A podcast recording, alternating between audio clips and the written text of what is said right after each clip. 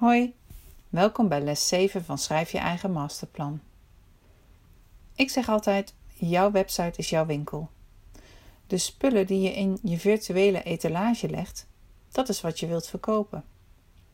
Een basisprincipe dat ik daarbij altijd hanteer is: don't make me think. Als jij alvast goed nadenkt over wat jouw cliënt graag ziet op jouw website, dan kun je daar je kernboodschap, je teksten en je afbeeldingen op aanpassen. Ook het aanbieden van een logische route binnen je website geeft betere resultaten. Je neemt je bezoeker als het ware aan het handje mee. Net als in een echte winkel help je de bezoeker met het maken van zijn keuzes. Denk maar aan de supermarkt, waar je op ooghoogte het merk of de verpakking hebt staan die de supermarkt het liefst verkoopt of waar de meeste marge op zit. Daar is over nagedacht. Dit wordt ook wel de Customer Journey genoemd, oftewel de reis van de bezoeker. Die reis begint al lang voordat je cliënt bij jou uitkomt. Die reis begint bij de eerste klachten die een cliënt ervaart. Wat doet hij of zij als eerste? Of wat heeft hij al gedaan voordat hij bij jou uitkomt? Misschien al websites van collega's bezocht, maar nog niet gevonden waar hij naar op zoek was. Het is dus dan aan jou om wel de juiste snaar te raken. Jouw website wordt ook wel eens het digitale visitekaartje van je praktijk genoemd.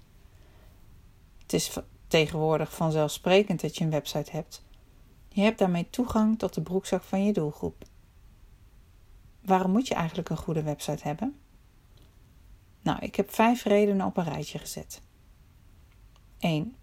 Met een website ben je vindbaar op Google en daarmee altijd bereikbaar. 2. Je versterkt er je merkwaarde, imago en expertstatus mee. 3.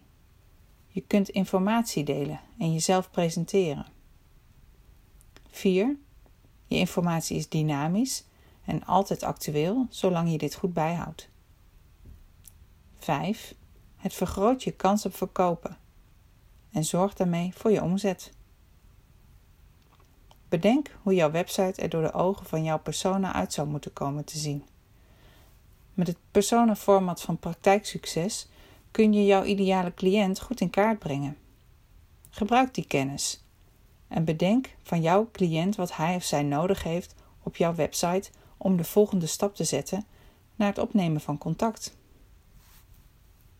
Een paar basistips die kunnen bijdragen aan jouw praktijksucces zijn Zorg dat je website goed vindbaar is door goede zoekmachine-optimalisatie.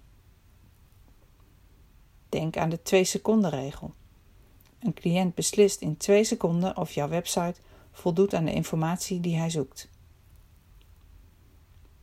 Maak het doorklikken naar andere pagina's gemakkelijk. Zorg dat je een onvergetelijke indruk achterlaat. Bied tips en oplossingen en geef meer dan je cliënt verwacht. Zorg dat hij of zij makkelijk contact op kan nemen door middel van een contactformulier of duidelijke contactinformatie. Het delen van ervaringen van tevreden cliënten is altijd beter wanneer zij dat doen dan dat jij iets over jouw diensten vertelt. Een website is niet statisch, maar juist actief en actueel.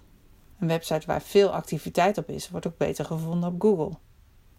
Dus wanneer je actuele content deelt, vergroot je voor Google je expertstatus, waardoor je hoger uitkomt in de zoekmachines. Dat mes snijdt dan aan twee kanten, want het delen van content vergroot ook je expertstatus naar je cliënten toe. Omdat iedere ondernemer of praktijkhouder anders is, is ook elke inhoud van een website anders.